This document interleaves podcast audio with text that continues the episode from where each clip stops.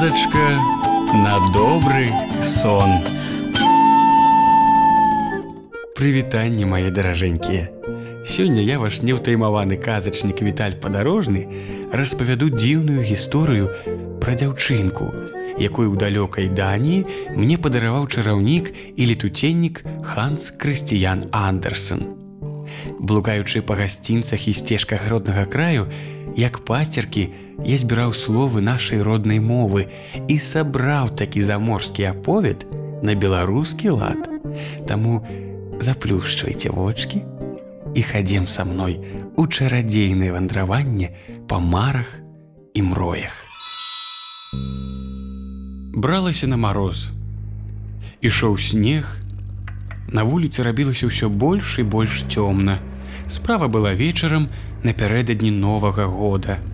У гэткі вось холад і цемраць па вуліцах блукала бедная дзяўчынка з непакрытай галавой і босымі нагамі. Ножкі зусім пачырванелі і пасінелі ад холаду. У старэнькім фартушку у яе ляжала некалькі карабкоў серных запалак. Адзін карабок яна трымала ў руцэ, За цэлы дзень ніхто не купіў яе ніводнай запалачкі. Яна не ўтаргавала ні гроша, галодная, азяблая, ішла яна ўсё далей, далей. Шкада было і паглядзець на небараку. Снег густа падаў на яе цудоўныя бялявыя валасы, Але яна і не думала пра гэтую прыгажосць. Ва ўсіх вокнах свяціліся агенчыкі. Вуліцы дыхалі смажанымі гусьмі, Сёння ж быў пярэдадзень, новага года. Вось пра гэта яна думала. Нарэшце наўселася ў куточку за выступам аднаго дома, скурчылася і паціснула пад сябе ножкі, каб хоць трошкі сагрэцца. Але не. Стала яшчэ халадней, а дамоў яна вяртацца не смела, і наж не прадала ніводнага карабка, не ўтаргавала ні гроша, бацька прыб'е яе. Ды і не цяплею іх дома, толькі што дах над галавою, а ветер, дык так і гуляе па ўсяму жытлу. Ручкі яе зусім пакалелі. Ах, адна маленечкая запалка магла б сагрэць яе. Калі б толькі яна асмелілася ўзяць з крабка хаця б адну, чыркнуць ёю аб сцяну і пагрэць пальчыкі. Нарэшце дзяўчынка выцягнула запалку, чырк, як засіпела і загарэлася полымі было такое цёплае, яснае. І калі дзяўчынка прыкрыла яго ад ветру жменькай, ёй здалося, што перад ёю гарыць свечка.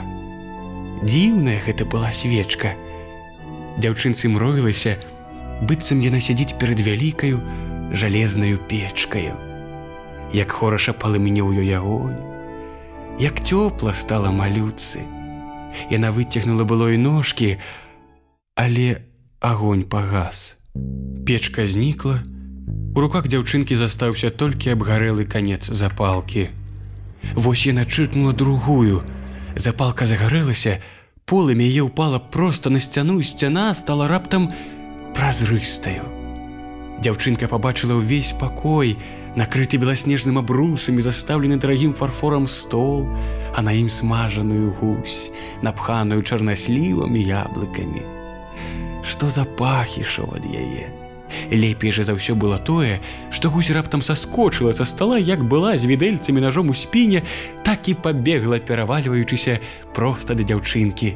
Тут запалка пагасла, і перад дзяўчынкай зноў стаяла адна холодная каменная сцяна. Яна запаліла яшчэ запалку і апынулася пад дзівоснаю елкаю, куды большую прыгажэйшую, чым тая, якую дзяўчынка бачыла на куцю, зазірнуўшы ў акно аднаго багатага купца. Елка гарэла тысячамі агенчыкаў. Малютка працягнула да елкі абедзве ручкі, але запалка пагасла.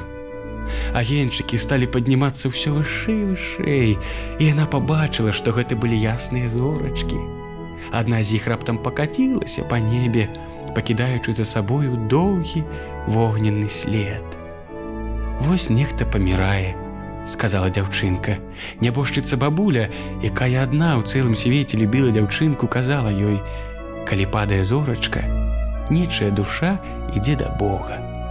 Дзяўчынка чыркнула аб сцяну новаю запалкаю.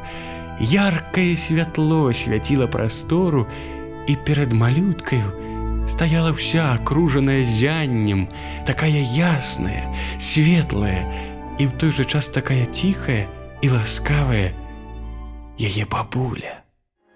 Бабуля закрычала дзяўчынка. Возьми мяне з сабою. Я ведаю, ты знікнеш, як толькі пагасне запалка. Знікнеш, як цёплая свечка, дзівосная смажаная гусі, вялікая цудоўная елка.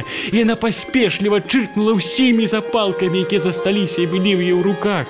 Гэтак ёй хацелася затрымаць бабулю. І запалкі ўспыхнулі такім яркім полымем, што стала святлей, чым днём. Ніколі яшчэ бабуля не была такой прыгожаю, такую вялікасную радасную. Яна ўзяла дзяўчынку на руки, і яны паляцелі разам. Узянні ў бляску, высока-высока. Туды, дзе няма ні холаду, ні голаду, ні жаху. Да Бога. У халодны ранішні час у кутку за домам па-ранейшаму сядзела дзяўчынка з ружовымі шчочкамі і усмешкай на вуснах. Яна замерзла в апошні вечар старога года. Дзяўчынка сидзела за палкамі, адзін карабок амаль зусім дагарэў. Яна хацела пагрэцца небарака, казалі людзі. Але ніхто не ведаў, якую прыхажосць яна бачыла. У якім бляску ўзнялася разам з бабуляй да навагодніх радасцей на неба. Вось і скончылася, наше чароўнае вандраванне. А зараз заплюшвайце вочки і добрыя вам ночки.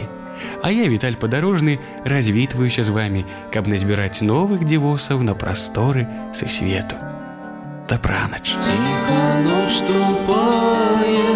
зорнаюся векай па сінім дунані теплы веселенькі а